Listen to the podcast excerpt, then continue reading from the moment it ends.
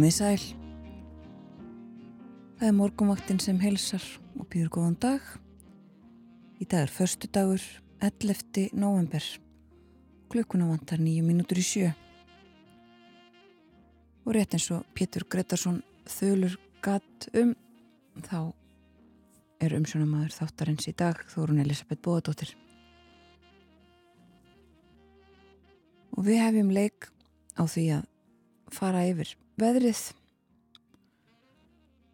Áfram fínasta veður eh, í höfuborginni í morgunsárið líkt og síðustu morgna. Hægur vindur skíjað og þryggjastega hitti í Reykjavík klukkan 6 í morgun. Líka þryggjastega hitti á Kvanneri og hægur vindur 3 metrar á sekundu 5 stega hitti svo litið kvast í stekkisólmi 10 metrar á sekundu þar allskíð. Fjórastega hitti á Patræksfyrði og tveggjastega hitti í Bólungavík 13 metrar á sekundu þar klukkan 6 í morgun og kvast líka á Holmavík 16 metrar á sekundu þar í fjórastega hitta. Femstega hitti og 10 metrar á sekundu á Blönduósi, 15 metrar á sekundu á Söðunisvita, þryggjastega hitti þar. Það ringdi á Akureyri klukkan 6 í morgun, fjórastega hitti og hægur vindur. Líka fjórar gráður á Húsavík og á Rauvarhöfn, 11 metrar á sekundu þar. Fjórastega hitti á Skeltþingstöðum, 5 stega hitti og lítilsáttarregning á Egilstöðum klukkan 6 í morgun, 5 metrar á sekundu þar. Hægara vindur með fram söðaustur ströndinni, þryggjastega hitti á höfni hotnafyrði, fimmstega hitti á kvískerjum og kirkjubæjaklaustri og vindræðin eh, frá 0 og eh, upp í 3 metra á sekundu. 6 stega hitti á Stórhauða í Vestmannegjum og 6 metrar á sekundu, 5 stega hitti og 9 metrar á sekundu í Árnesi klukkan 6 í morgun. Og tölurnar á hálendinu um frostmark rétt undir eða rétt yfir og hægur undur logn bæði á káranhjúkum og í sandbúðum klukkan 6 en þá að veðrinu eins og það verður eh, byrjum á að geta þess að það er áfram til klukkan 11 í gildi gul viðvörun fyrir vestfyrði ég nefndi hérna hvassviðri eh, víða þar og það er áfram til klukkan 11 í dag. En annars hljómar viðurspáin svona. Hvers norðaustan áttum landi norðvestanvert en dregur úr vindi setnipartin mun hægar í annar staðar. Allvíða skúrir en ryggning eða slitta norðan heiða og úrkomi minna þar í kvöld. Suðlæg átt 5 til 13 metrar á sekundu og víðadóli til ryggning á morgun en úrkomi lítið síðtegis vaksandi austanátt og skúrir sunnanlands annað kvöld, lögardagskvöld og hitin 1 til 8 stig. Svona hljómar veðurspáin fyrir næstu daga og eh, umferðin, það eru hálkublettir á bröttubrekku, þæfingur og jæljagangur á þröskuldum en krapi á helstu fjallvegum á vestfjörðum og eitthvað um hálku og hálkubletti. Sumleis hálkublettir á Öksnadalsheiði, eitthvað um hálkubletti á Norðusturlandi og Krabi á Fjardarheiði og í Mjóaferði. Hálkublettir á Fagradal, Öksi og Breiðdalsheiði. Og uh, förum nánar yfir það sem er á dagsfráð þáttarins hér á eftir. Meðal annars ætlum við að tala um hljóðvist Nei, við gerum það í gær, við ætlum að tala um ljósvist, heitir það. En eh, við byrjum daginn á að hlusta á Laufeyju. Hún syngur Like the Movies.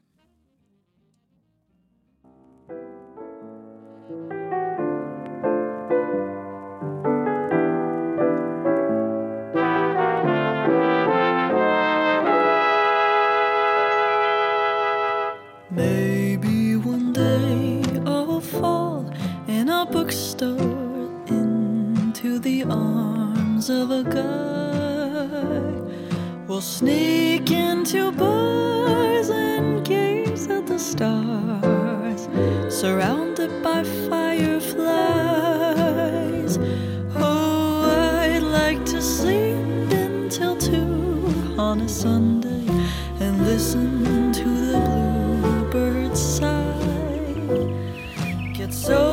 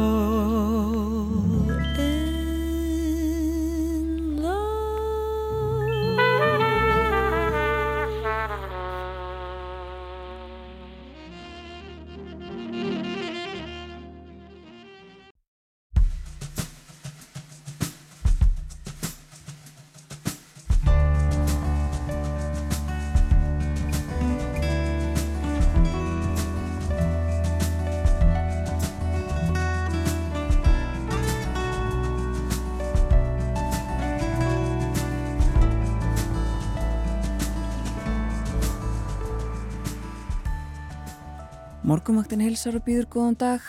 Í dag er förstu dagurinn 11. november. Áhersla var á líðheilsu á heilbreyðistingi sem haldið var í gær. Hvernig getum við sem einstaklingar, elft og viðhaldið góðri heilsu og hvað geta stjórnvöld og stopnarnir samfélagsins gert til að skapa okkur bestar aðstæður til þess? Viljum Þór Þórsson helbriðis á þeirra verður gestur morgumaktarinnar í dag og við ætlum að ræða um helbriðismálin með áherslu á líðhelsu. Viljum verður hér klukkan halv átta. Kristján Sigur Jónsson, rittstjóri túrista, segir okkur svo frá því helsta í ferðamálunum að loknum morgunfréttum. Æslandir og Play hafa kynnt nýja áfangastadi fyrir næsta ár og í báðum tilvökum erum að ræða staði, áfangastadi sem hitt flugfélagið er þegar að fljúa til. Leiðakerfin eru með öðrum orðum ansi lík. Við ræðum þetta og fleira að loknum morgunfréttum klukkan átta. Og í gerðmorgun rættum við um hljóðvist hér á morgunvaktinni. Hún er mikilvæg og það er líka ljósvist sem snýst ekki bara um að setja lampa á rétta staði í hýbílum okkar. Ásta Lóðadóttir verkfræðingur er helsti sérfræðingur Íslandsum dagspyrtu og lýsingarmál. Hún ræðir við okkur um ljósvist og það hverju mikilvægt er að huga að þegar að það er skoðað upp úr klokkan halv nýju. Umsjónamaður morgumaktarinnar í dag er Þórun Elisabeth Bóðadóttir.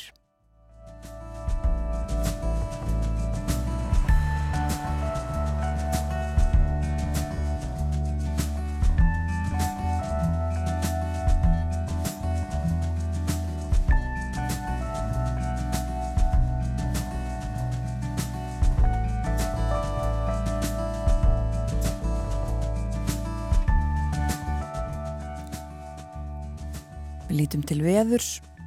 Það er áfram í gildi gul viðvörun á vestfjörðum fram eftir degi og það dregur úr vindi þar setnipartin. Hvers norðaustanátt þanga til.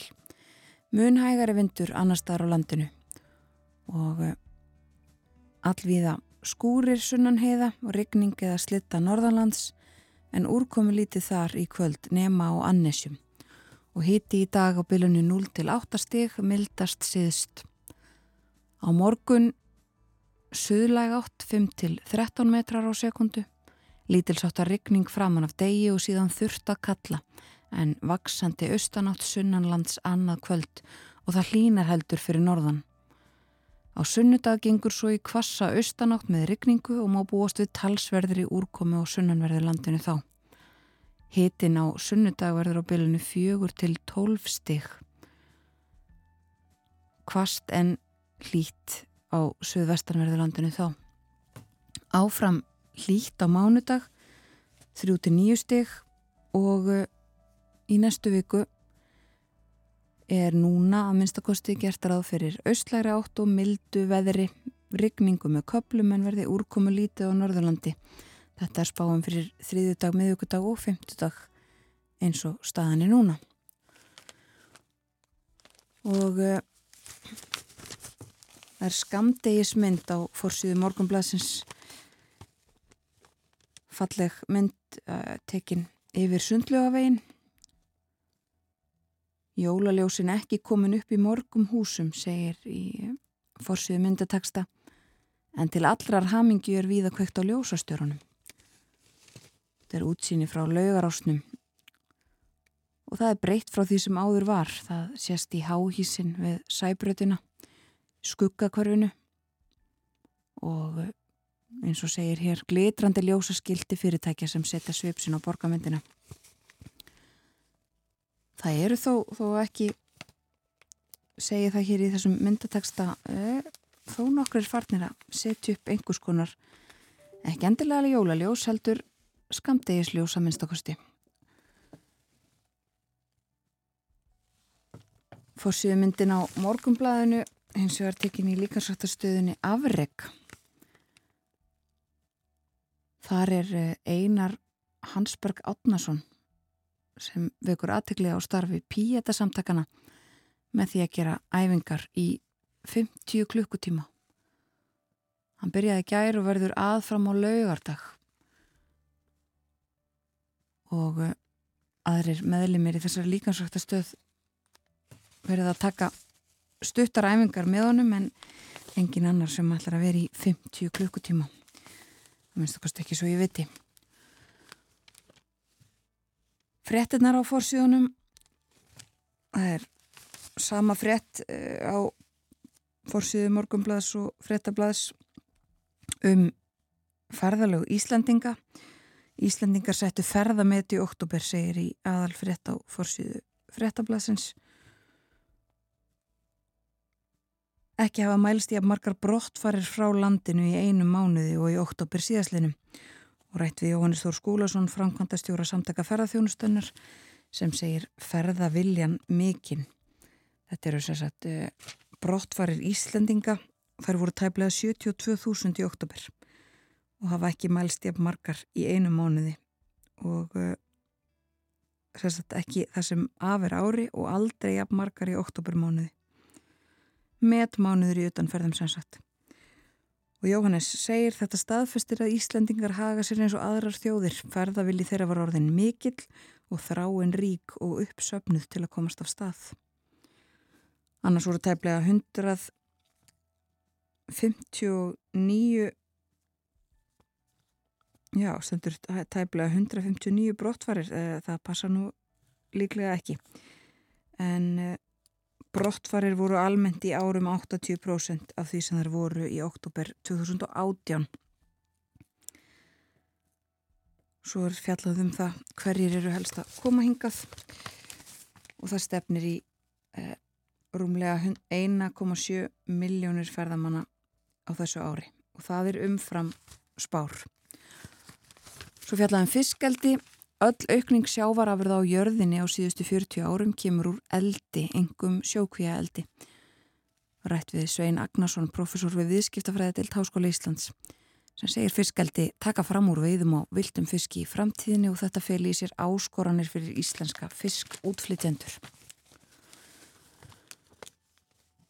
Og uh, við erum búin að nefna þessa frettum Utalandsferðirnar sem líka er á fórsíðu morgunblæsins, þar er hins vegar aðalfrettin um byðlista eftir aðgerðum.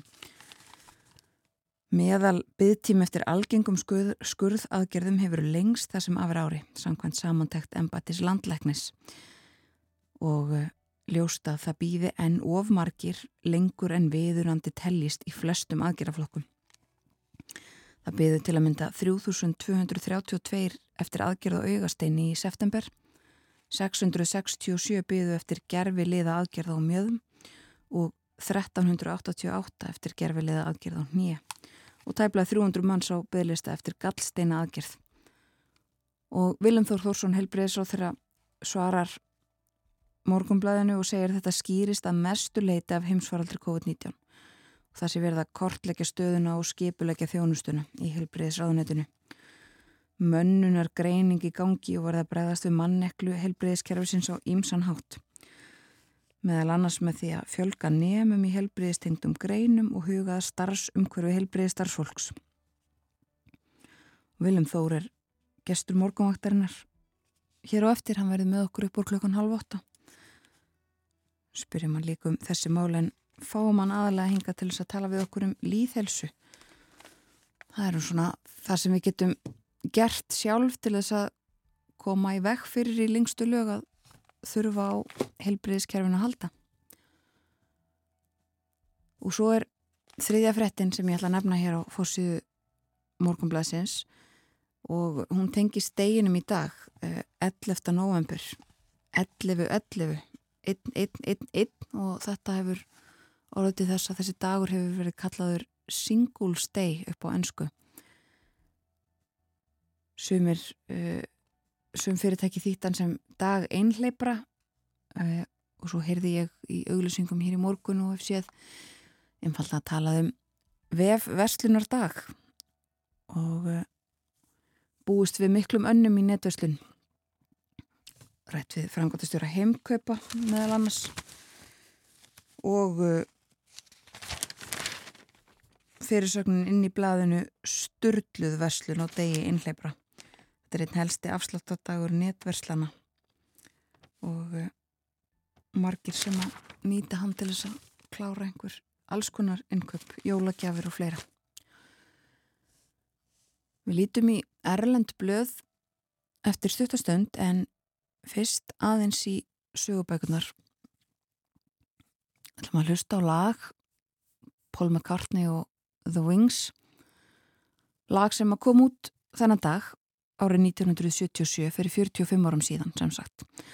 Þetta var stærsta lag þeirra í Breitlandi, Wings og varð ein mest selda smáskifa allra tíma þar í landi.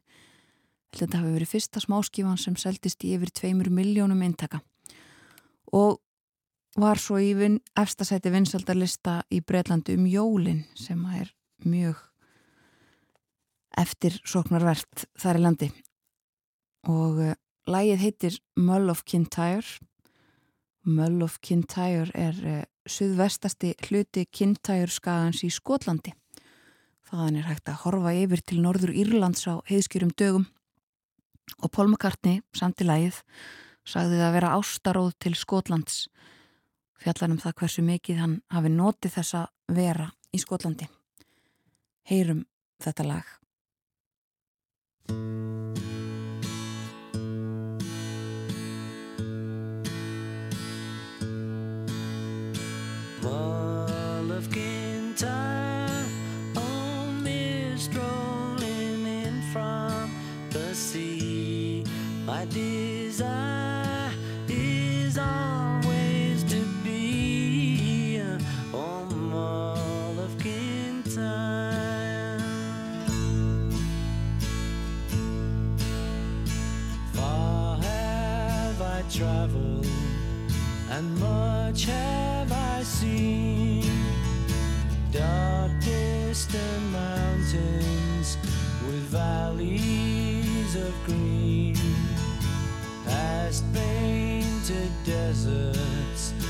Sun sets on fire as he carries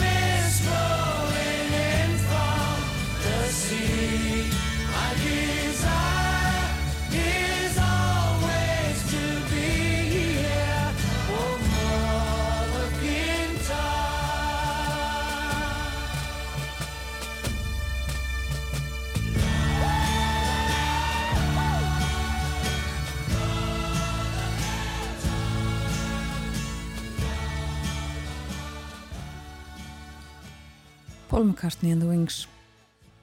Eða Wings. Mull of Kintyre. Þetta lag kom út fyrir slettum 45 árum síðan. Og lítum þá aðeins til útlanda Erlenda fjölmila það er mynd af konu uh, grátandi konu af gleði og geðsræringu reynlega uh, á fórsíðinu New York Times í bandaríkjunum. Og þetta er í Kherson í Úkrænu um, í litlu bæ sem að þar hefur verið frelsaður undan rúsum eins og það er orðað hér í þessari uh, frétt. Tár í Kherson þegar að úkrænsk uh, úkrænskar herdeldir komu. Við höfum beðið eftir ykkur svo lengi, öskraði kona.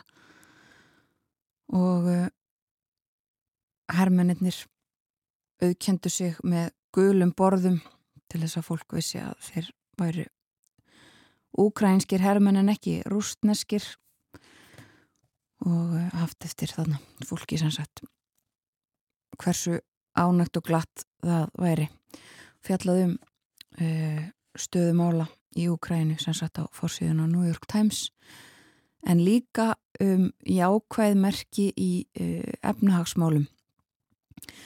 Nýjar tölur sem að uh, voru gefnar út í gær sem að síndu fram á að verðbolgan hefði svona uh, hjaðnað meira en búist hefði verið við í oktober og þetta hefði vakið vonir og uh, góðar frettir fyrir Sæðlabankan sem að hefur verið að hækka vexti einmitt í þeirri trúa að þetta myndi gerast eða myndi uh, skána ástandið og uh, hlutabrefa markaðir tóku vel við þessu, segir líka í frettum. Og svo eru greiningar á, á kostningunum þó að úrslitin séu en ekki alveg ljós en talað um það sem sagt að uh, þungunarofsmál uh, dómar hæstaréttar í þungunarofum og afneitun á kostningaúrslitum fyrir tveimur árum þegar að Donald Trump tapaði fyrir Joe Biden. Þetta hafi verið málinn sem að uh, svona hafðu mest áhrif á kostningaúrslitin aðeins til Breitlands þar er í fyrsta sinn að tjá sig Kvasi Kvarteng sem var fjármálar á þeirra í uh, skamlífistu ríkistjórn Braskarsögu ríkistjórnar Liz Truss. Hann um, tjáur sig í fyrsta sinn og segir á fórsýðum bladana í dag að uh, hann hafi varað Truss við því að hún væri að uh, ætla sér of mikið, of hratt. Og uh, það hafi verið fáránlegt að láta hann fara. Segir að það hafi verið uh, mjög skrítið og uh, gaggrínir núverandi fórsættisráð Rishi Sunak. En hann hefur svo satt skellt skuldinni á Liz Truss, hún varði þetta fórsættisráð þeirra og stefnan hennar Hann hafi varað hana við að þetta myndi leiða til þess að hún sjálf yrði uh, látin fara eða yrði að uh, fara. Ímislegt fleira til umfjöldunar á uh, fórsíðum breskublaðana áfram uh, mikil umfjöldun um stöðu efnahagsmála og það hvernig er verið að takast á við uh, hækkandi verð og uh, svo er það auðvitað áfram umfyllun líka í breskum fjölmjölum um, um The Crown þættina um bresku konungsfjölskylduna. Fymta serían komin út og uh, hún var ekki gríðarlega aðtekli strax og uh, yfir miljón manna í Breitlandi horfi á seríuna á fyrsta degi og uh, hún hefur verið verulega gaggrind líka þessi nýjasta seria fjallarum uh, svo til nýliðna atbyrði samband uh, Karls sem nú er orðin konungur og Díunu prinsessu meðal annars. Og mikil gaggrinni á þetta. Það tekst ekki alveg næg og vel að segja fólki frá því að þetta sé ekki sannsögulegir atbyrðir þeir byggi bara á lauslega á sögunni. En þetta eru þetta skaldskapur Það líður að yfirleiti morgunfrétta, það kemur á slæðinu halv åtta og uh, að því loknu þá ræðum við um helbriðismálin. Viljum Þór Þórsson, helbriðisráð þeirra, er uh, næstur á dagskrá hér hjá okkur á morgunvaktinni. Svo síðar í þættinum er það ferðamálin með Kristjánu Sigurjónssoni og svo ljósvist hverju þarf að hugað til að okkur líði vel í, inni í rýmum og úti fræðumstum það í lokþáttarins.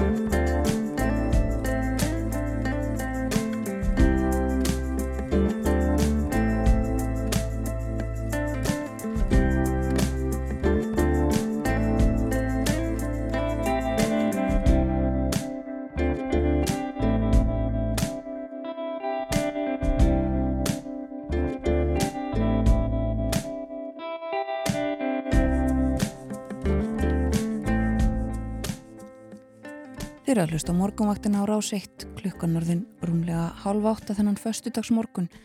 Það er 11. november í dag. 11. 11. 11. 11. 22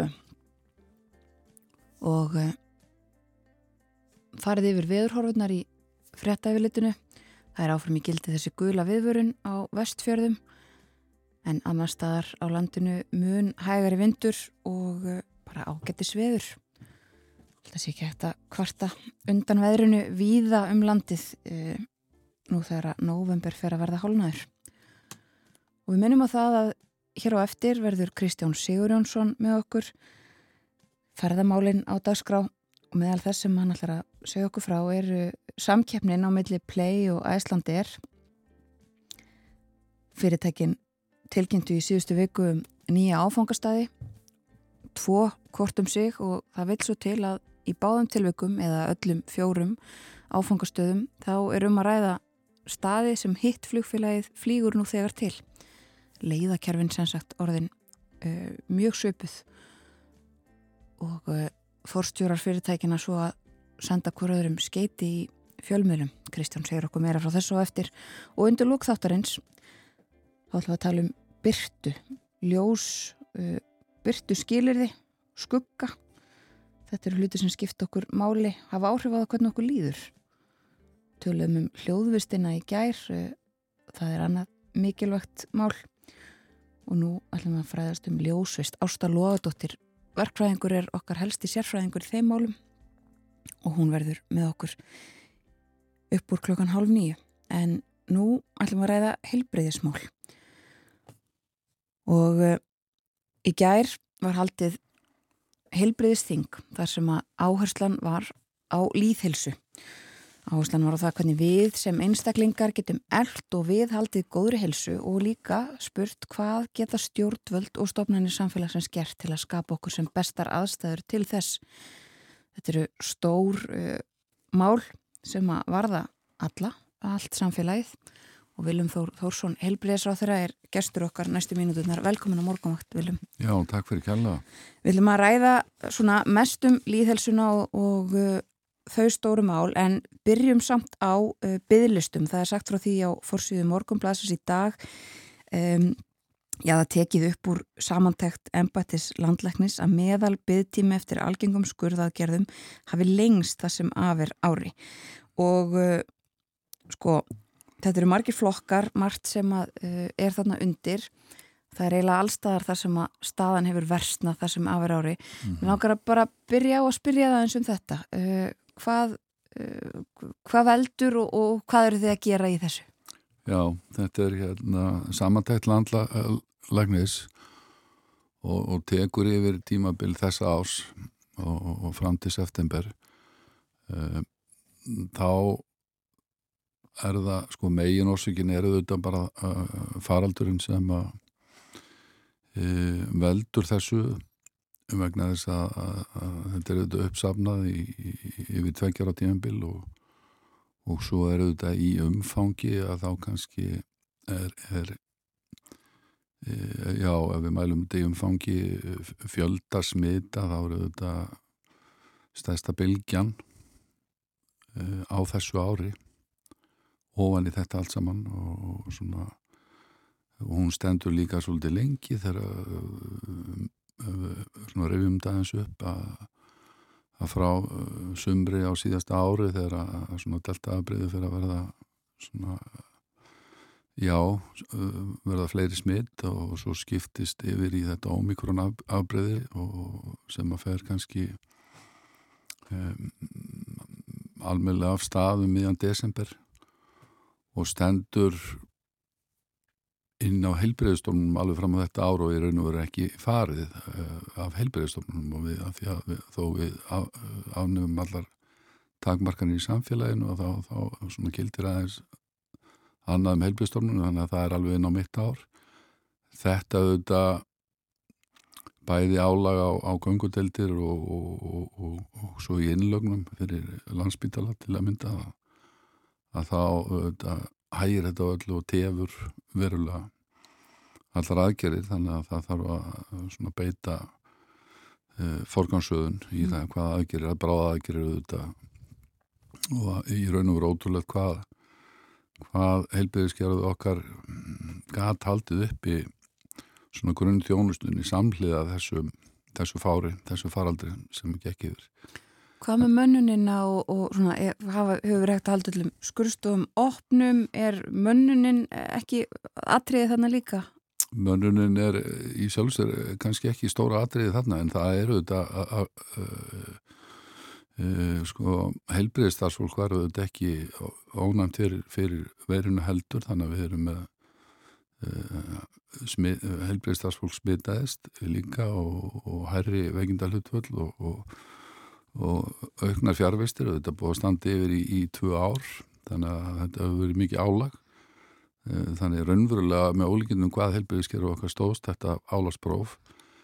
Staðar núna er auðvitað svo að við þurfum að, horfa til allra sem að geta gert aðgerðir og við erum að, gera það. Sjúkartringar eru núna fyrir okkar hönd að leita eftir því að, að, að hverjir geta gert aðgerir á hvaða sviði og, og til að mynda eru við búin að uh, fela, fela sjúkaldringum að leita eftir samningum um aukstæna aðgerir sem að, að byggðu kannski í meira mæli ímsar hverna aðgerðir, hviðsjar aðgerðir þar, þar með talið endometrósja þannig að sem er hægt að gera á fleiri stöðum og til að mynda inn á klíning og, og lækningu og fleiri staðir þeir sem geta geta framkvæmt aðgerðir þannig að nú erum við bara að horfa til þess að nýta allt kerfið okkar og hlaupa þetta svolítið saman og, og byrja að vinna þetta niður eða byrjastanda og, og svo er mönnunin kannski við leysum mönnunina kannski þarna með því að, að nýta allt kerfið okkar og,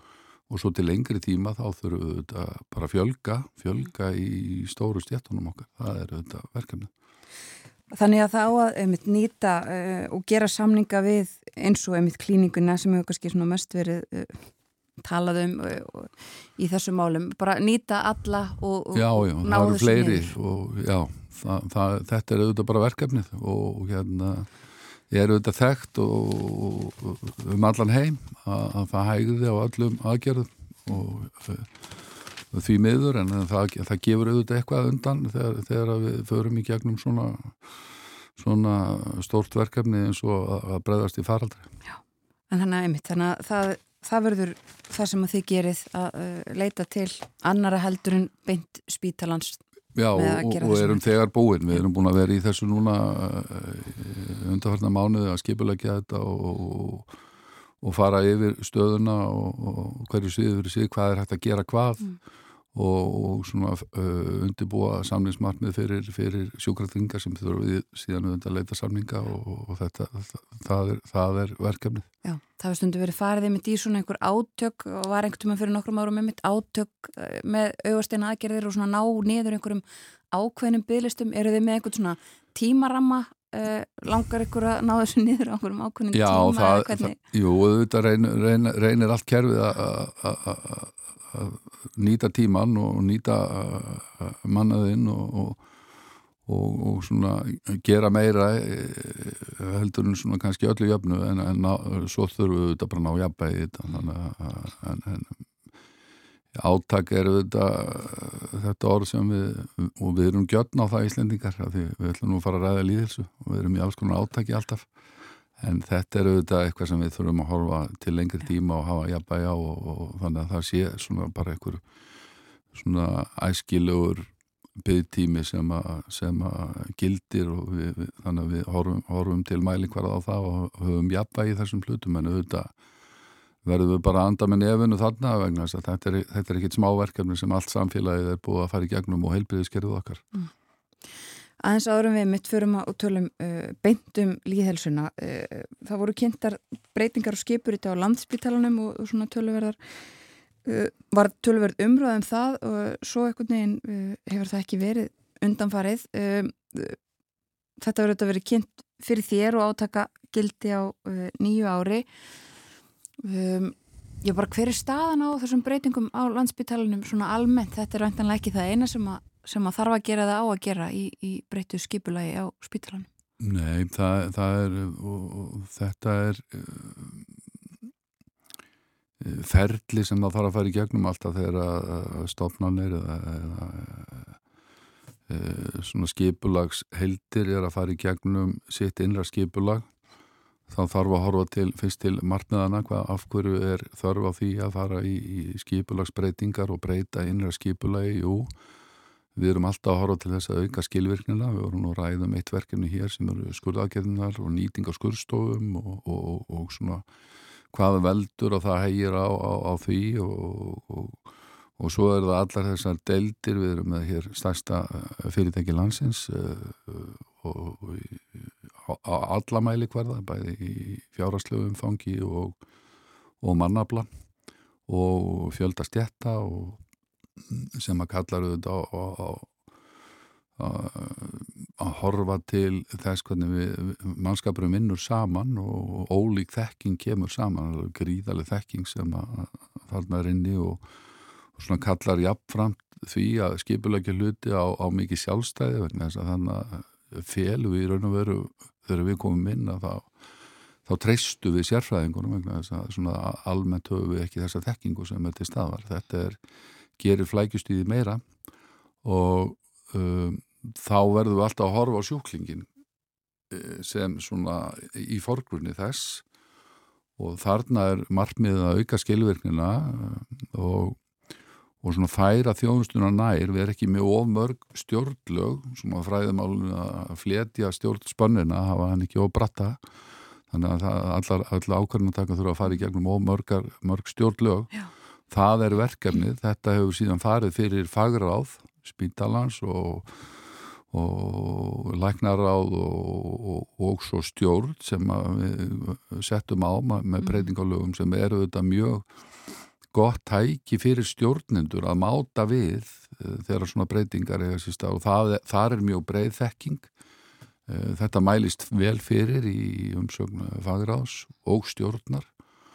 Og svo kynnti fórstjórið þetta að lokum fyrir þeirra og, og, og öll hugmyndafræðin, öll markmiðin, allt sem liggur að baki er mjög vel unnið og, og það lítur vel út. En svo þetta þarf að taka alla 6.000 ef ég má orða þannig í gegnum þessar breytingar og þá, þá er öll svo vinna eftir og það er kannski þingsti parturinn þegar þú ferður raunverulega í breytingarnar þó að, þó að hugmyndafræðilega og markmiðin og, og sínin með þessu lítur mjög vel út. Já. Og þá að því sem við ætluðum svona að helst að ræðum og það er líðhelsa, það var þetta heilbriðis þing í gær þar sem að uh, áherslan var á líðhelsu og líðhelsa náttúrulega kannski snýst líka um það að okkar bætta líðhelsa að einmitt við mingum álægið á þessa þætti sem við höfum verið að tala um á spítalan á heilbriðiskerfið að við bara hugsum vel um okkur sjálf til þess að forðast að þurfa á heilbriðisþjónust að halda í miklu mæli. Þú sagðir þetta áðan, sko, við erum, við erum svolítið í átökum á Íslandi en líðhelsa er kannski einmitt þvert, Mm. þvert á það. Það þarf að huga henni alltaf. Hvað, hérna, hvað tókstu helst með þér út úr þessu þingi í ger? Hárið rétt, ég, hérna, ég, ég tók svo margt, ég, ég, þetta, ég fór inn á þetta þing með einhverju væntingar um það að við næðum svona utan um þetta stóra þverfælega samfélagsverkefni sem líðhelsa er og, og, og ég fór bjart síðan út vegna þess að þarna voru haldinn gífulega góð erindi. Svona einmitt og ábreytina um það hvað, hvað líthelsa raunverulega er að því við vorum að ræða hér helbriðiskerfið og þær áskorunir sem við erum að, að kljást við. Um, þá eru þetta e, þetta verður eilíðar verkefni að manna helbriðiskerfi og fjármagna og, og er stórt að umfangi í, í okkar kerfi. Og líðheilsa hefur verið uh, mest megnis á, á borði landlæknis, þar er, er unnin mjög góð vinna. Um, þar eru skráðgögn og þar eigum við líðheilsu vísa sem að mæla það hvernig líðheilsa þjóðarinnar er að þróast. Og við erum að eldast sem samfélag, við erum að lifa lengur og uh, það er jákvætt. Um, en þá þurfum við að, tryggja það að bæta góðum árum við lífið. Þannig að við þurfum að hugsa líðhelsuna allan aldurskalan og við þurfum að hugsa hana á breytina og hún snýraðu þetta í skilgjarningu sinni að e, andlegum þætti, líkanlegum þætti og svo þessum félagslega. Þetta þarf alltaf samanast en þetta er þvert á allt samfélag okkar, lof við erum heppin þjóða að mörgu leiti við erum með, hér með, með reynd loft og, og, og reynd vatn og þannig að lífsgæðu okkar eru mikil á, á marga mæli hverða við, við vorum að ræða hérna átak við, við, við gerum allt mjög gott við erum uh, uh, hér eru stofnarnir samfélagsins íþróttarhefingin og, og við erum alltaf að hlúa að líðhelsu og setja í gang við hjólum í vinnuna og við göngum í skólan og og, og gerum margt e, til þess að hlúa að líðelsunum en þetta er bara viðvarandi verkefni að hlúa að helsu það svona, finnst mér svona yfirskrifti við lágum aðeins yfir því hvað, að, að reyna að kjarna þetta aðeins að hann að, að yfirskrift þingsins var að heilsa eins er hagur allra. E, þetta er líka þvert á öll ráðunetti þetta er stort umhverfismál þetta er stort efnahagsmál, jöfnuður skiptir hér gríðarlega miklu máli aðgengi að helbriðiskerfi skiptir gríðarlega miklu máli. Um, þarna var erindi frá helsugæslunni sem er með helsueflandi mótöku, við erum í auknum mæli þar þetta um, er svona fyrsti viðkomustadur okkar þegar við þurfum að leita helbriðistjónustunar og, og við höfum gert vel í því að skilgerinn okkar þjónustu setju og þannig að við getum leitað á helsugæsluna Eh, sem að svo metur okkar stöðu og ástand og, og, og svo vísar áfram í kerfinu í, í svona, en, en, en þá verða, verða til upplýsingar um það hvað, hvað, við, hvað við erum að kljást við ef, og, og þannig að þann þáttar þurfum að ebla en, en svo eru þetta eins og við þekkjum álagið orðið mikið á helsugæsluna þannig að, að, að það, það eru þetta verkefni út af þessu síðan við þurfum allstaðar í þjóðfélaginu að huga að að líðhelsinu allan, allan aldurskalan, við erum síðan með sérstaklega með geðhelbriðismálun og blessunarlega hefur sko, umræðum geðhelbriðismál breyst bara núna á leðinu missurum við erum búin að setja í gang geðhelsu teimi e, það er vinna í mentamarraðundinu að, að, að hugsa um, um, um geðrætt barna alveg e, í skólakerfinu farsaldi þá að batna uh, gríp inn í snemma ef það er eitthvað sem að, uh, við erum að kljást við einmannarleiki er, er þáttur, þetta, þetta félagslega skiptir mjög miklu máli hvað getur við gert til þess að að gefa okkur sem einstaklingum í gegnum lífið tækifæri til þess að, að hlúa á okkar eigin heilsu, það er þetta verkefni þvert á allar stofnarnir samfélagsins. Mm. Og hvað er það sem að stjórnvöld geta gert betur í, í, í þessu til þess að hjálpa okkur einstaklingunum að hlúa okkur? Já, nú vorum við að horfa til dæmis á líðhelsuvísan og þar eru uh, mikilvæg talandum áskoranir. Uh, við þurfum að, að, meta gögnin og horfa til þeirra hvað, hvað, að hverju þurfum við að huga. Uh, Þannig var mjög gott erindum svefnin lengi vel höfum við kannski, hefur það þótt bara kannski eh, manndómsenginni ef við ekki torðað þannig okkar allra eh, kannski sofa minna og, og vinna meira. Mm. eh, við höfum kannski ekki hugað nægilega aðsvefnunum hversu mikilvægur hann er okkar eigin helsu eh, þessu þurfum við að, að, að breyta og við þurfum að huga því að fá nægan svefn. Um næringin er, er eitt tátur vegna þess að að þegar við horfum á þessa þætti þá uh, húsnæði uh, þegar við horfum á þessa þætti þá eru svona neikvað þróun þegar við horfum til lífstílstengdra sjúkdóma. Það er uh, mataræðið, við horfum á það þá er, þá er það er ofþyngd að aukast. Uh, og offitu sjúkdómar að aukast uh, sikursíki og, og við, við þessu þurfum við að breðast það er alltaf í umræðinni hvort að hér eigi að beita einhverjum uh, sérstökum kvötum eða eigum við bara að fræða eða eigum við að, beita skallagningu Mhm. Uh, það kom út í rákjandi skísla 2020 um, um svona efnaðarslögu kvætana um, þannig að, að það er verið að gera margt mjög vel víða en, en, en svona við getum gert þetta mark, markvisar og svo var heilsulæsi þáttur sem var, var til umræðu. Mhm. og heilsu vitund þannig að það er það er, það er fræðslan og, og, og það er meðvitund hvers og eins okkar um það hvað, að, hvað við, hverju við þurfum að huga að. Eh, framan af æfinni erum við kannski ekkit mikið að hugsa um þetta.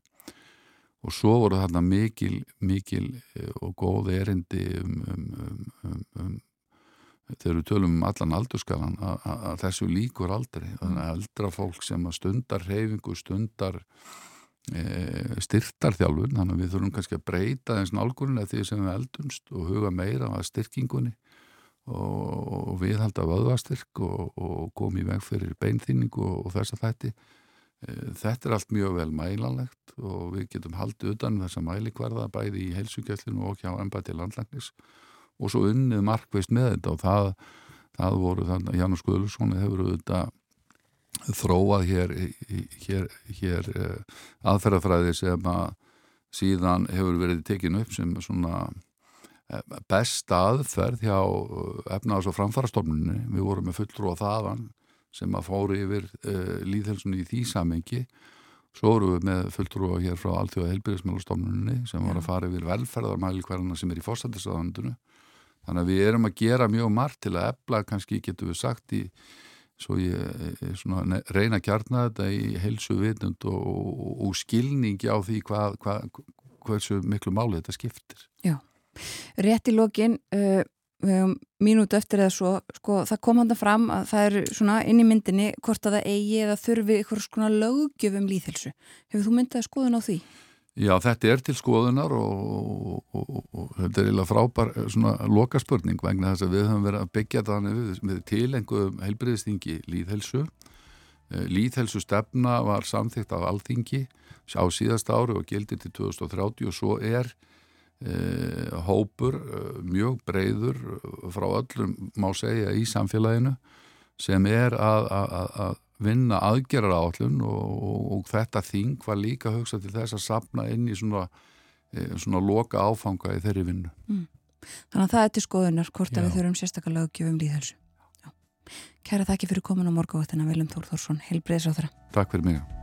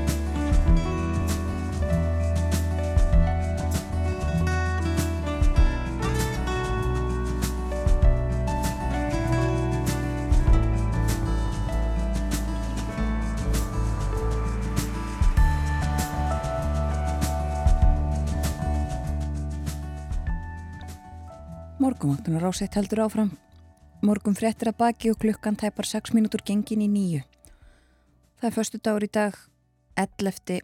november 11. 11.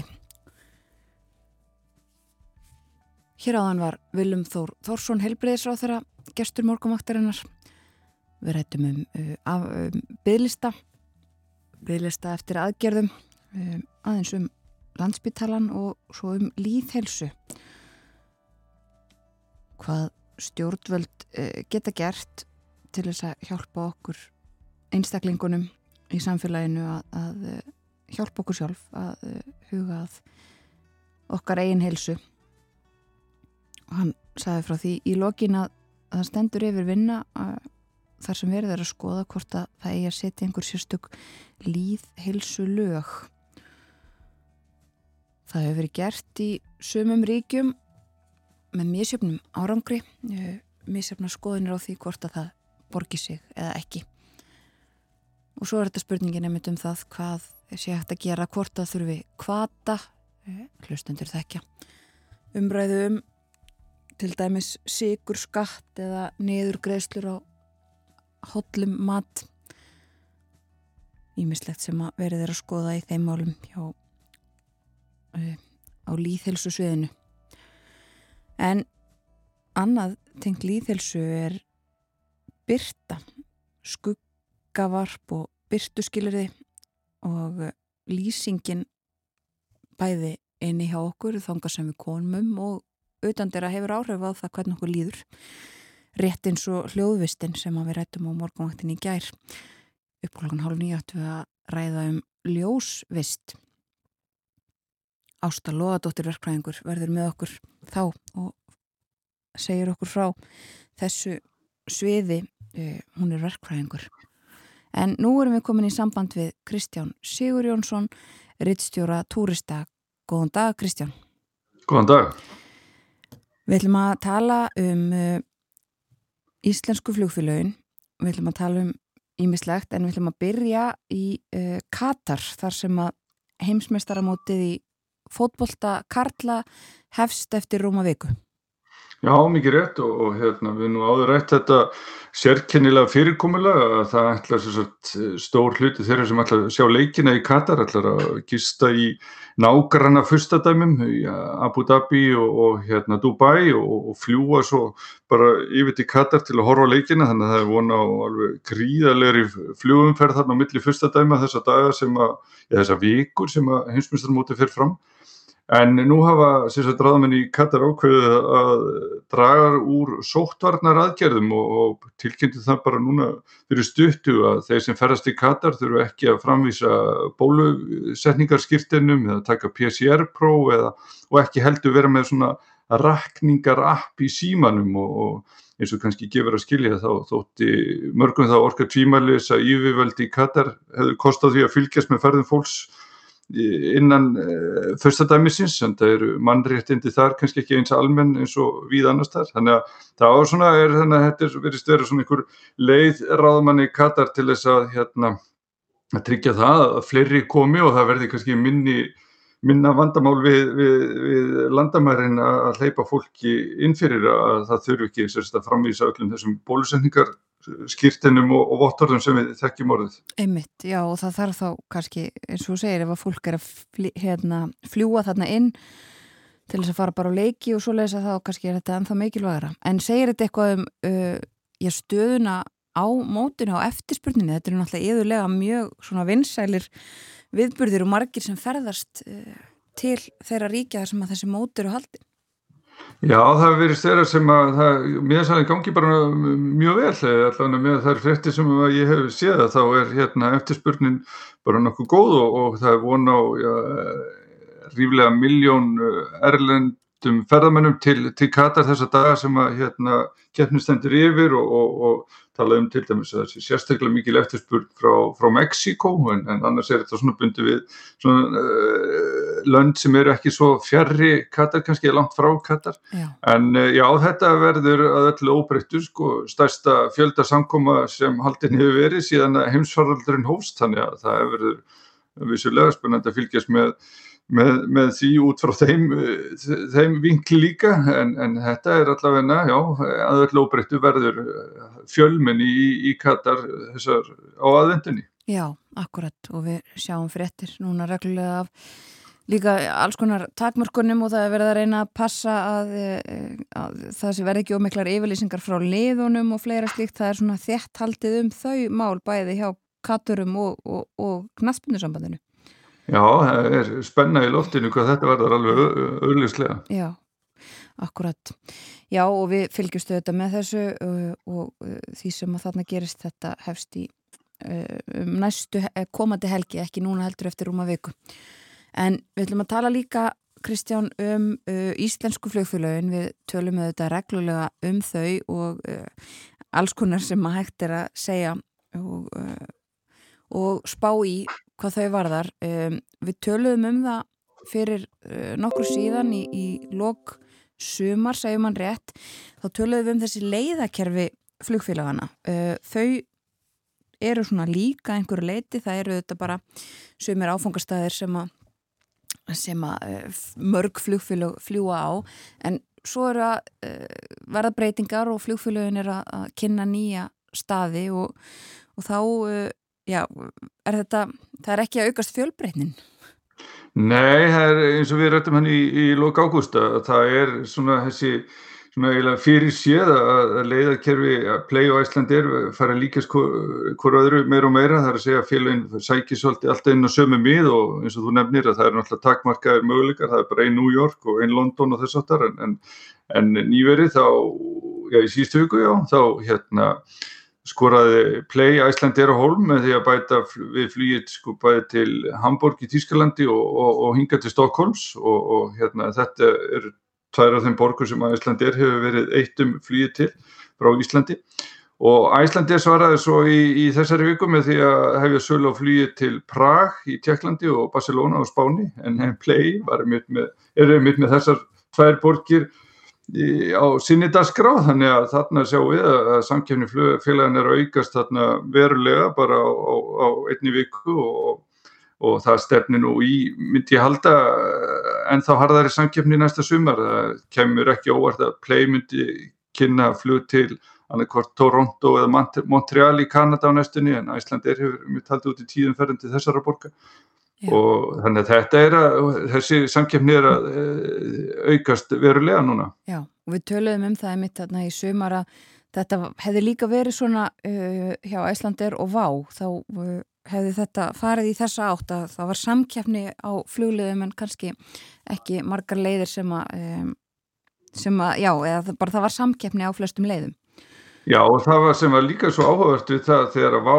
er fjallarni í byrjun ást 2019 og það voru í sjálfu sér engin félög sem fylgdu í skarði. Það Nei. var í sjálfu sér eh, erlendu flugfélögin sáu engan hagi því að hefja fluga nákvæmlega sömu borgum eh, vegna þess að, að rekstur VÁ er gekk mest, mestu leit út og það að að bjóða upp á þetta að segja að fólk var á leiðinu millir Norður Ameríku og Evrópu og millilenda keflaguflugvelli og fyrir erlendu flugfélögin er þessi farþegahópur já, þeir geta ekki sint honum, þannig að þetta, þetta er svolítið áhvert að sjá hvernig þess, þannig að það má eiginlega segja að Play sé núna fylla það skart sem Váer skildi eftir sig en um leið þá verður þetta þannig að Æslandir og, og, og Play eru þau í, í sífælt meiri samkeppni í flugi frá keflaguflug til sömu staðana. Já, akkurat. Og við þekkjum auðvitað kannski einhverjar eins og einmitt þessar flugleðir sem við vorum að nefna áðan, þær hafa verið þannig að uh, erlend flugfélög hafa allavega um einhver tíma svona bóðið upp á, upp á flug, uh, já það hefur held ég verið, flogið það til Barcelona allavega og, og uh, en það er yfirleitt kannski bara svona tímabundið sem að, sem að svo er. Já, er, flugfélögin hafa séð um þessa, suma af þessu markuðum alveg, alveg einn.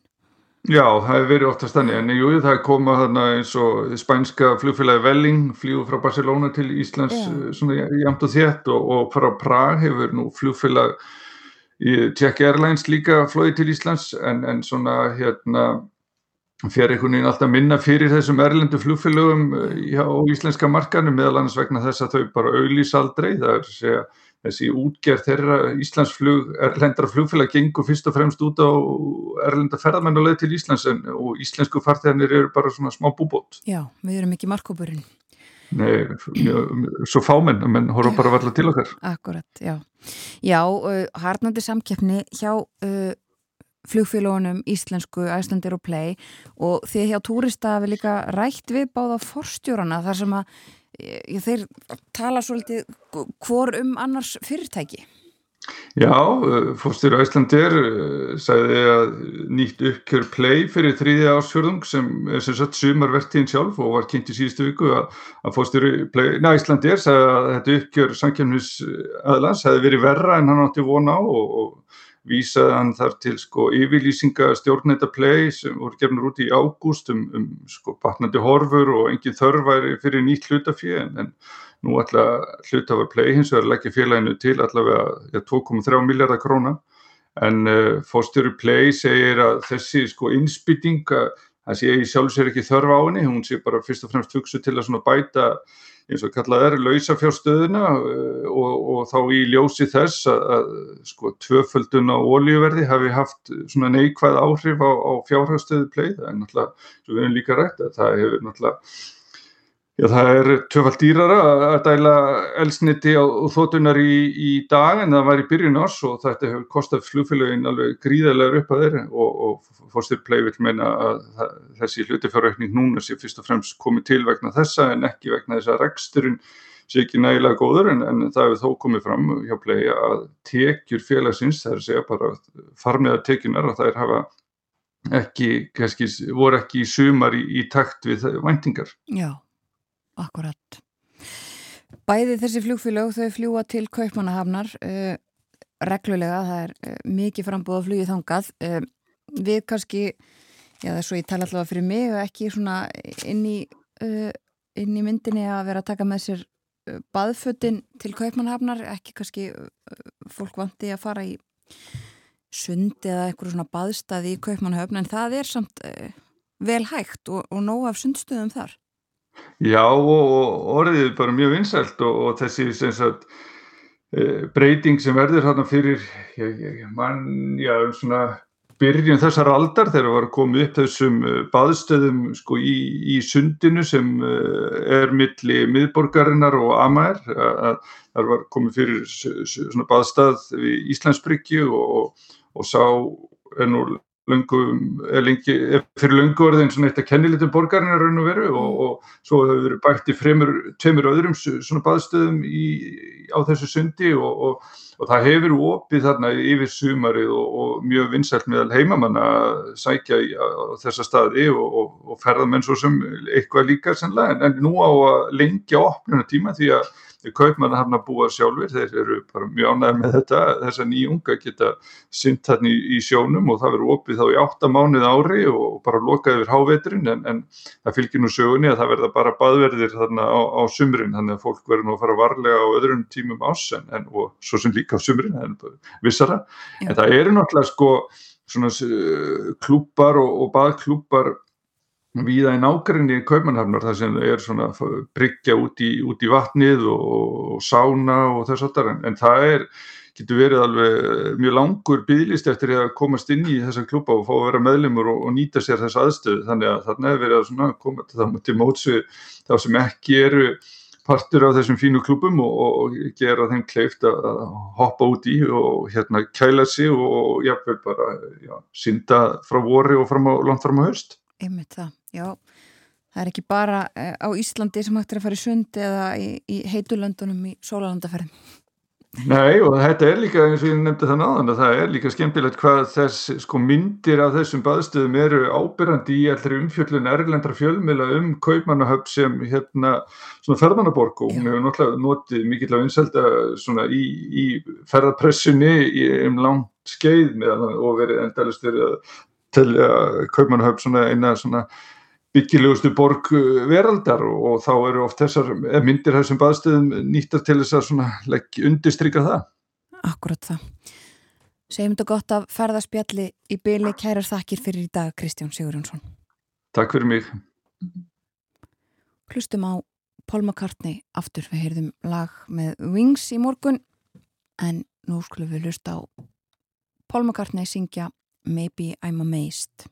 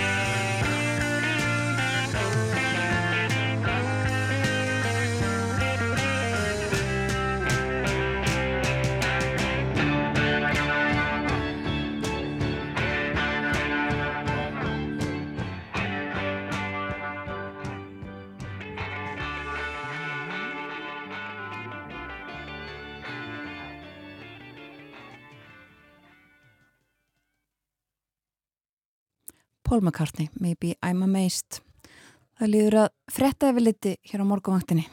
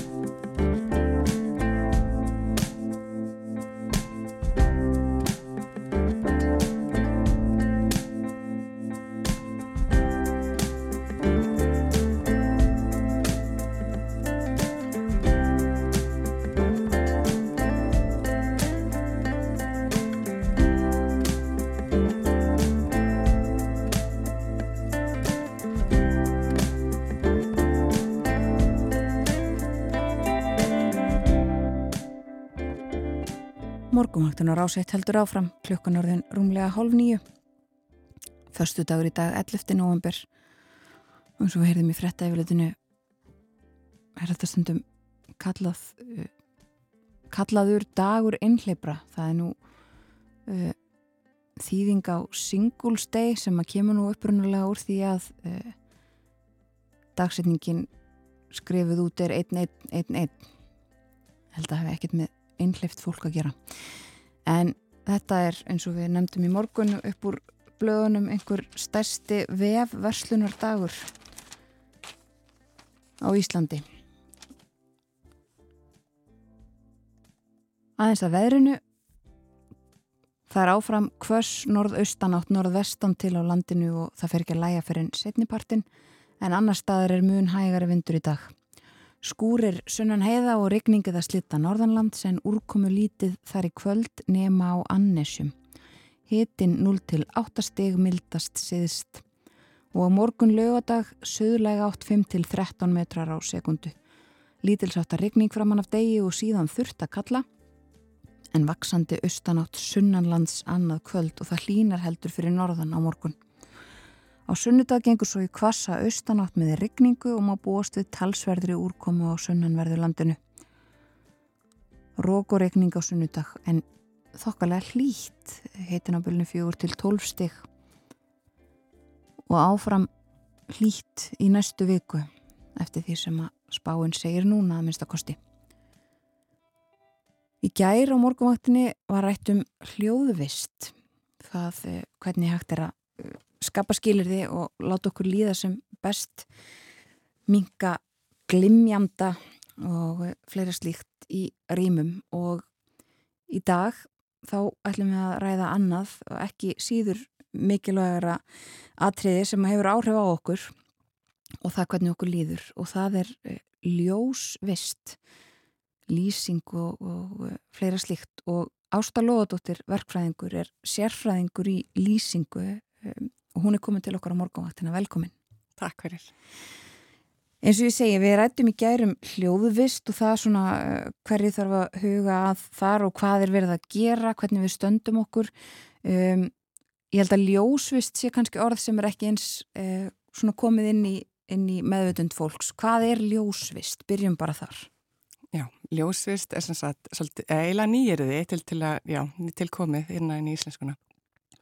En það er í rauninni um, svona hattur yfir bæði dagslýsingu og raflýsingu og það er uh, á, sagt, á fjallum alla eiginleika ljósins og þarna undir eru bara í rauninni fleiri þættir sem snúa líka að um, í rauninni bara sjónræna umhverfinu okkar eins og útsýni fellur líka undir ljósvist og svo les. Já. Þannig að, hérna, að, að þetta er um, orð sem að vera til til að nýpir byrja að nota um, en enska heitið, það var eins og þú varst að Mm. því það singles day, hérna, þá er það í rauninni bara hérna lighting design sko, þú veist, og, og þegar maður hefur, þeir sem hafa lært erlendis, þeir þekkir það sem bara lighting design og þá lýsingar hönnun. Já. En hérna á Íslandi var einhver, það var eitthvað svona miskilningur í rauninni að lýsingarhönnun væri bara að telja lampa og, og staðsetja það í loftinu. Já, já. að hérna, við ákveðum að, að það þyrti svona andisliftingu eitthvað hérna, og, og þar að leiðandi var það ákveðið í, hérna, í- hjá ljóstaknufélaginu að við myndum til dæmis þegar við erum að óska eftir breytingum í byggingargerð að það er þið gert í rauninni undir nafninu ljósvista. Já. og það fellur þá þetta einmitt allt, allt undir uh, þú sagðir hvað, dagslýsing og raflýsing Já. og það er hægt að skipta þessu svona kannski svolítið í þetta þetta Já. tvenn, Já, dagsljós og rafljós. Já, dagsljós já, og rafljós já. já. og uh, hvort það ekki skiptir máli Mjög miklu máli, já. og hefur bara áhrif á það uh, hvernig okkur líður er það ekki, í, og bara líður í rýmum og, og Akkurat heilsunna líka. já, Almennt, þannig að það, já, það skiptir miklu máli. já, við vorum með að ræða hér um líðhelsu fyrir morgun, þannig að þetta, þetta hefur sitt að segja þar Akkurat. og hvernig, hvernig gengur okkur eh, að huga að þessum málum? Um, þetta gengur misvel og svo stundum finnst okkur ganga aðeins og þá erum við aðeins þetta smá pásu. Um, til dæmis ef við tökum byggingareglugerðina fyrir sem dæmi þá höfum við verið að oska eftir að fá aðgengi dagsljós inn í byggingarnar okkar og, og það finnst okkur aðkallandi af því að við erum byrjað að þjætta svo mikið byggð.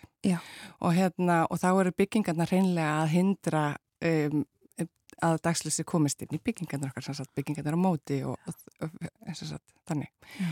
Þannig að, um, að, að við fórum svolítið að kalla eftir því og það var bara gerðist undir stórmerkir hérna í, í sumar að, að hérna, það var stopnaður hópur undir húsnæðsumárverkistofnun og við fórum á stað og, og vorum mjög vangóð en núna er komið smá högt í það, það er komið smá pása. Þannig að við erum, en, en við erum ennþá vangóð, þú veist það bara, hérna, við vorum bara að, að hérna, að það veri leist fljótlega úr því máli þannig að þetta þurfum ekki að, að hérna, að bara svona býða lengur því, því eins og við sjáum það að byrja að byggja svo hratt og mikið að við höfum ekki tíma til þess að, að, býða eins og er sko. Nei, já, eh, við erum farin að þjætta byggð og einmitt byggja kannski háhús og, og nokkuð þjætt og er hvergi neitt sem segir til um það að við eh, eigum að hafa aðgang að, eða þú veist, byrta þurfum við að- Koma inn í byggingarnar. byggingarnar. Nei, að því að, að, að byggingarreglugjörn okkar eins og hún er í dag, hún segir það ég vera gler en ef þú setur bara svalir fyrir ofanglerið og, og vekk við hliðan á glerinu og, og aðra byggingu beint fyrir framann glerið, þá kemst bara ekkert ljós inn um þetta gler. Þannig að, að við þurfum svo sannlega að, að hérna, komast bara um, á sama staðu nágrannar löndin okkar og, og fá ljós inn í byggingarna okkar. Já, þannig að þetta er þannig í nákvæmlega löndunum okkar. Já, já, og við erum á óska eftir að við fáum sagt, dönsku fyrirmyndina svona nokkurt meginn inn í okkar. Hvað, ef getur þú sagt okkur svona hvað fælst í dönsku fyrirmyndinu, hvað, hvað er sagt um þetta í, í dönskum reglugjörðum? Ef Við tölum um sem sagt, aðkomi dagsljósins Já. sem slíkt, það er einu mestu, eða svona stærstu breytingarnar. Það er, hérna, þar er í rauninni að það þarf maður einmitt að taka tillit til umhverfisins. Þannig að það er alveg sama í rauninni glasmagg sem er óska eftir svo lengi sem að við erum ekki búin að hindra aðkomi ljósins. Þannig að við erum að byggja út í, um, bara út í sveit þar sem er engra, engra aðra byggingar þá er það mjög einfalt, þá erum við bara áfram með sömu kröfur eins og við erum með í dag. En um leið og við fyrir að, að, að þjætta byggðina mikið, þá þurfum við bara að, að er einu leiðirétta fyrir um, þessa takmörkuna ljósi sem er sem að þessi, þetta umhverju veldur og þá þurfum við þá að stækka glerflutin og jafnvel uh, þurftum við uh, í rauninni grinnri rými uh, til þess að svara þessu, þessar, þessum breytingum. Já, Þannig að það er í rauninni svona, þannig að við fáum ljósið inn í bygginguna. Og svo er önnur aðferð sem er floknari, þetta nýta bara svona útreikninga þegar maður er með mótil og það er svona sem að hérna, já, svona fyrir svona þá sem er að leika sér með að teikna og, og hérna og reikna. já, svona fyrir lengra að komna já, já, já, Já. En sko, einmitt, uh, og það er ekkit sem kveður á um þessa hluti hér á Íslandi í, í, þegar að verið er að byggja og, og þjætta byggð og svona. Um, og það, við þekkjum það þetta, það hefur verið eh, mikil, einmitt mikið byggt á svona þjættingareitum og verið að byggja. Uh, er það þá bara happa glappa hvort að, hvort að verið sé að hugsa um þessa hluti? Eru mörg dæmi um það til dæmis að það hafi ekki verið hugað að þessu og það hafi áhrif það sé bara skuggi í, í heilu húsunum lengri tíma eða?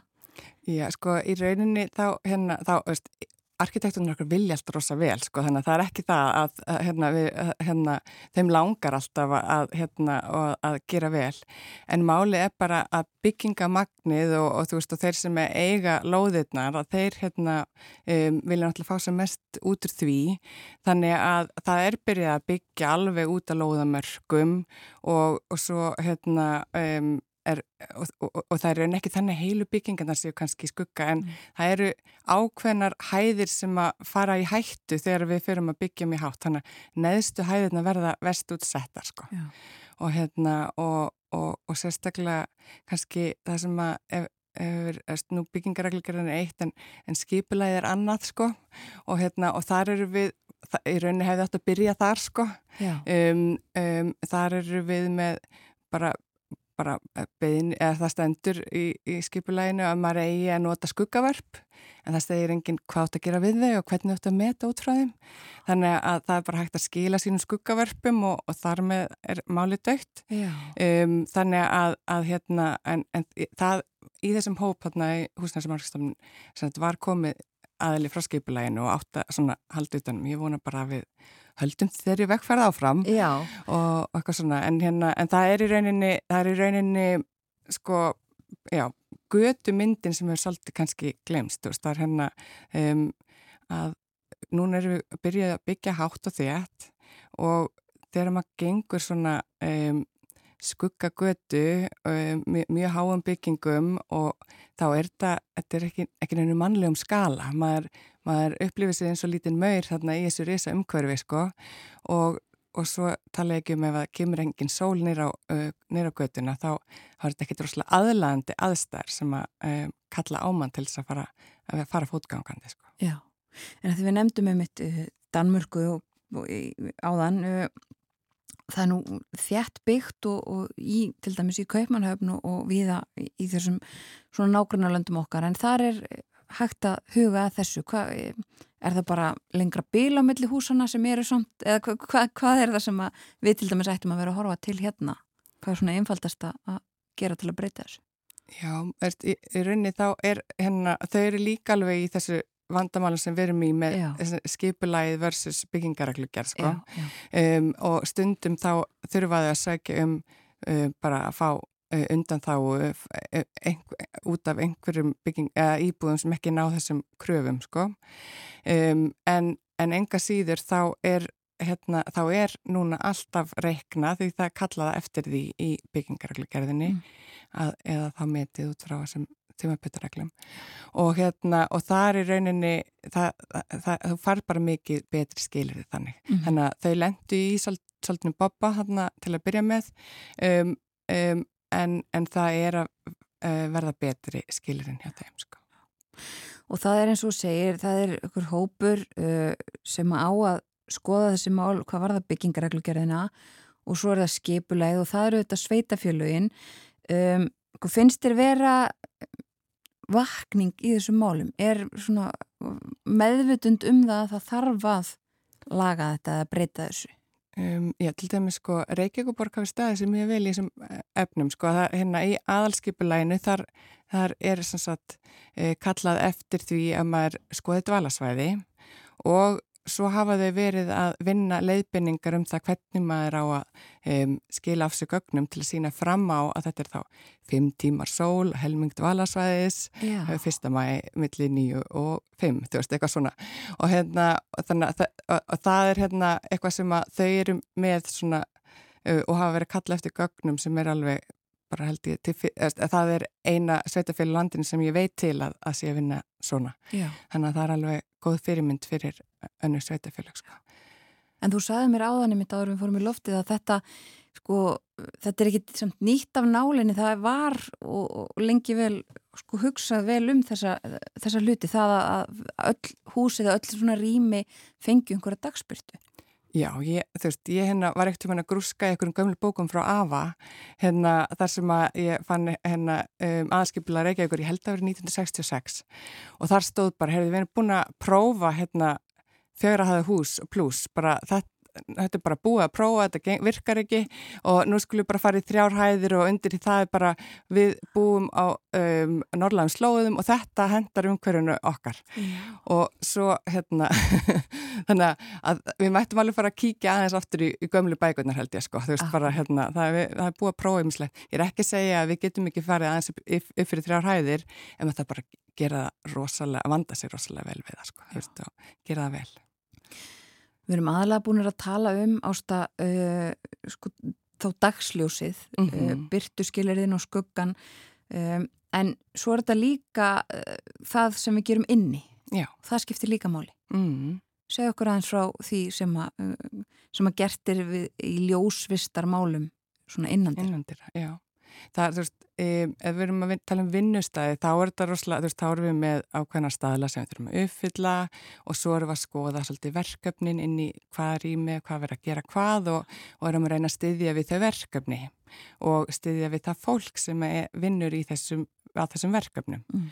um, og kannski svona nýjasta nálinni sem við erum að vinna um, í svona, at, já, svona atvinnuhúsnæði það er um, þegar það ert með vaktavinnu eða eitthvað svoleiðis að þá er stundum verið að vinna með dægursveiflur Já. og þá er verið að hjálpa fólkinu sem vinnur þarna að, um, að vera vakandi á ákveðin tímdags eða ákveðin tím sólringsins og, og, og hjálpa þeim svo að fara að sofa þegar að vakt líkur sko. Já. Þannig að þá erum við að vinna svolítið með hvernig ljósið hefur áhrif á dægursveiflunar okkar. Og hvernig er það gert? Það er í rauninni gert með því að gefa þeir mikið í ljós og, og tiltölulega kaldara um, til þess að vekja þig og svo akkurat öfugt til þess að, að uh, koma þeir í ró þá ertu að nota tiltölulega lítið ljós og mjög heitt og það á helst að koma svona frá, ekki frá loftinu þegar þú ert að fara undirbúa svefn og svo leis Mm. að þá hérna, við viljum helst fá hérna kalda mikla ljósið bara eins og himinin í rauninni og hérna og svo hafa ykkur að kósi huggulampa sko, þú veist, hérna þegar þú ert að fara að undirbúa kvílu. Og þetta á líka við heima hjá okkur, eða hvað?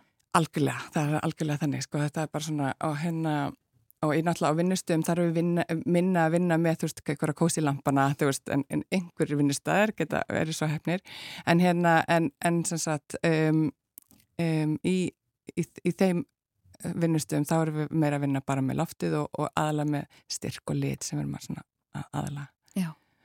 en heima hjá okkur þá er þetta einmitt það að á mótnana þá er gott því meira ljós sem maður getur útsett sig fyrir því betra því meira erum við að hjálpa eða gefa bara líka með okkar skilaboð um að nú við að fara að vakna og hérna og bara undirbúa daginn. Um, en við erum búin að líka búin að komast að því að í myrkri, svartast að myrkrinu þá finnst okkur ekkert rosalega gott að vera að fá þetta kalda ljós. Þannig að, það, að þá bara þá þarf maður bara meira af flýjaljósinu þannig að það bara dundra eins mikið af, af flýjaljósi í sig og maður getur. Og þetta á kominu mögun Já. og hérna og, um, og svo á kvöldin að þá um, þá erum við meira að vinna með bara þessa, þessa kósi lýsingu sem ég var að tala um að. Og það er alveg um, alveg 23 tímum fyrir svepp sem að um, maður er að undibúa þá kerfið sitt fyrir að fara að sofa. Já. Og mjög mikilvægt að hafa myrkur á nóttunni sko. Það er nú ekki vandamál kannski hjá okkur núna, en þó það er auðvitað svona umhverfisljós viða allavega hjá okkur sem búum í þéttbíli. Og Já. þurfum að loka á þetta sem sagt á nóttunni. Já, Það var alveg myrkur. Já, já, Já. það er maður að gera. Einmitt. En Það er svo, að- svo já. líka, við, sko, myrkrið er líka indislegt, sko, það skapar náttúrulega líka brótrúlega indislegar aðstæður, sko, fyrir okkur og hérna, sérstaklega nót fyrir okkur það þegar við erum að, þú veist, undirbúa kvíluna fyrir uh, kvöldið, sko, þú veist, það bara að lítið kertaljós gerir bara indislegt fyrir mann, sko. Já. Og núna þegar jólaljósin fara að dukka upp, sko, það, hérna, Já, þau eru aðeins farin að gera það já, fyrir en oft áður. Já, Já. og það er, það er einmitt bara dæmi um það hvernig lýsing hefur áhrif á okkur. Þetta er bara allt ennur upplifun af borginni þegar hún er án um, jólaljósana á, myrk, á myrkru tímanum hérna og þegar jólaljósin fara að spretta upp. Sko, Mhm. það, þetta bara gefur okkur eitthvað. Já, einmitt.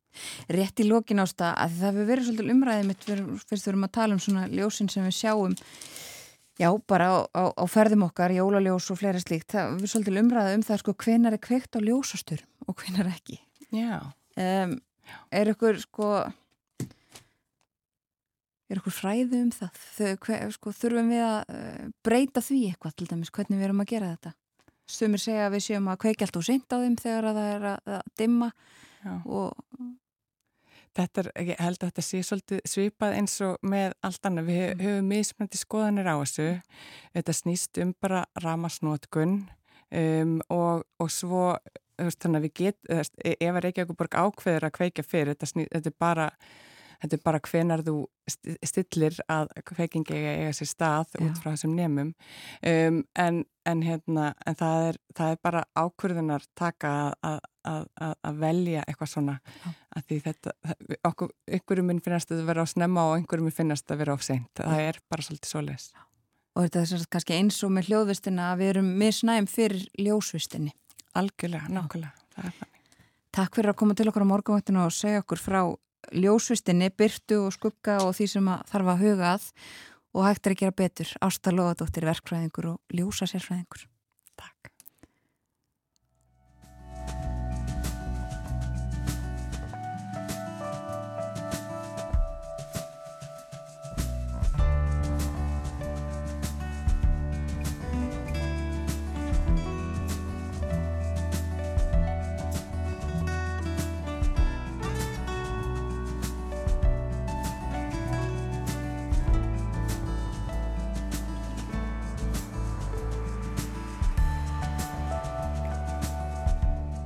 Ásta Lóðadóttir, verkfræðingur og sérfræðingur í ljósum lýsingu uh, er haldin út í daginn. Dimman morgunin. Við rættum um það sem að kallað við verið uh, upp á síðkastið á íslensku ljósvist. Það er ekkert í byggingarreglugerðum eða neinu sem að uh, kveður á um hvernig skuli haga skuggavarpi eða, eða dagspyrtunni inn í nýjum byggingum. En uh, það er verið að vinna í því. Einhver eitthvað högt á þeirri vinnu sagði ástokkur en hún vonast til þess að það fara aftur í gang fljótt. Og það hvernig lýsingin er inni hjá okkur og úti hefur áhrif á líðhelsun okkar, það tengist því sem við rættum fyrir morgun. Við viljum Þór Þórsson helbriðs og þegar hann var gestur okkar og töluðum um líðhelsumál og sumuleiðis um byðlista eftir aðgerðum og aðeins um stöðun á landsbytalanum og á milli þessar að tvekja viðmælanda var með okkur Kristján Sigurjónsson rittsturi túrista, við fórum yfir það helsta í ferðamálunum þennan já, þessa dagana. Og uh, Með þessu er morgunvaktinni lokið í dag og þessa vikuna. Það er förstu dagur í dag. Við segjum þetta gott í byli, tökum okkur frí yfir helgina en morgunvaktin er á sínum stað alla verka daga og það þýðir að við bjóðum góðan dag þegar klukkuna vantar tíu mínútur í sjö á mánudags morgun. Þá verður komin 14. november. November að verða hálnaður og aðeins hálfur mánuður svo að það sé sagt í það að aðvendan hefist. Fyrstu sunnudari aðvendu 27. november. En meirum það síðar.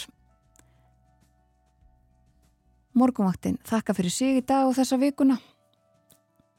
Góða helgi, njótiði dagsins og veriði sæl.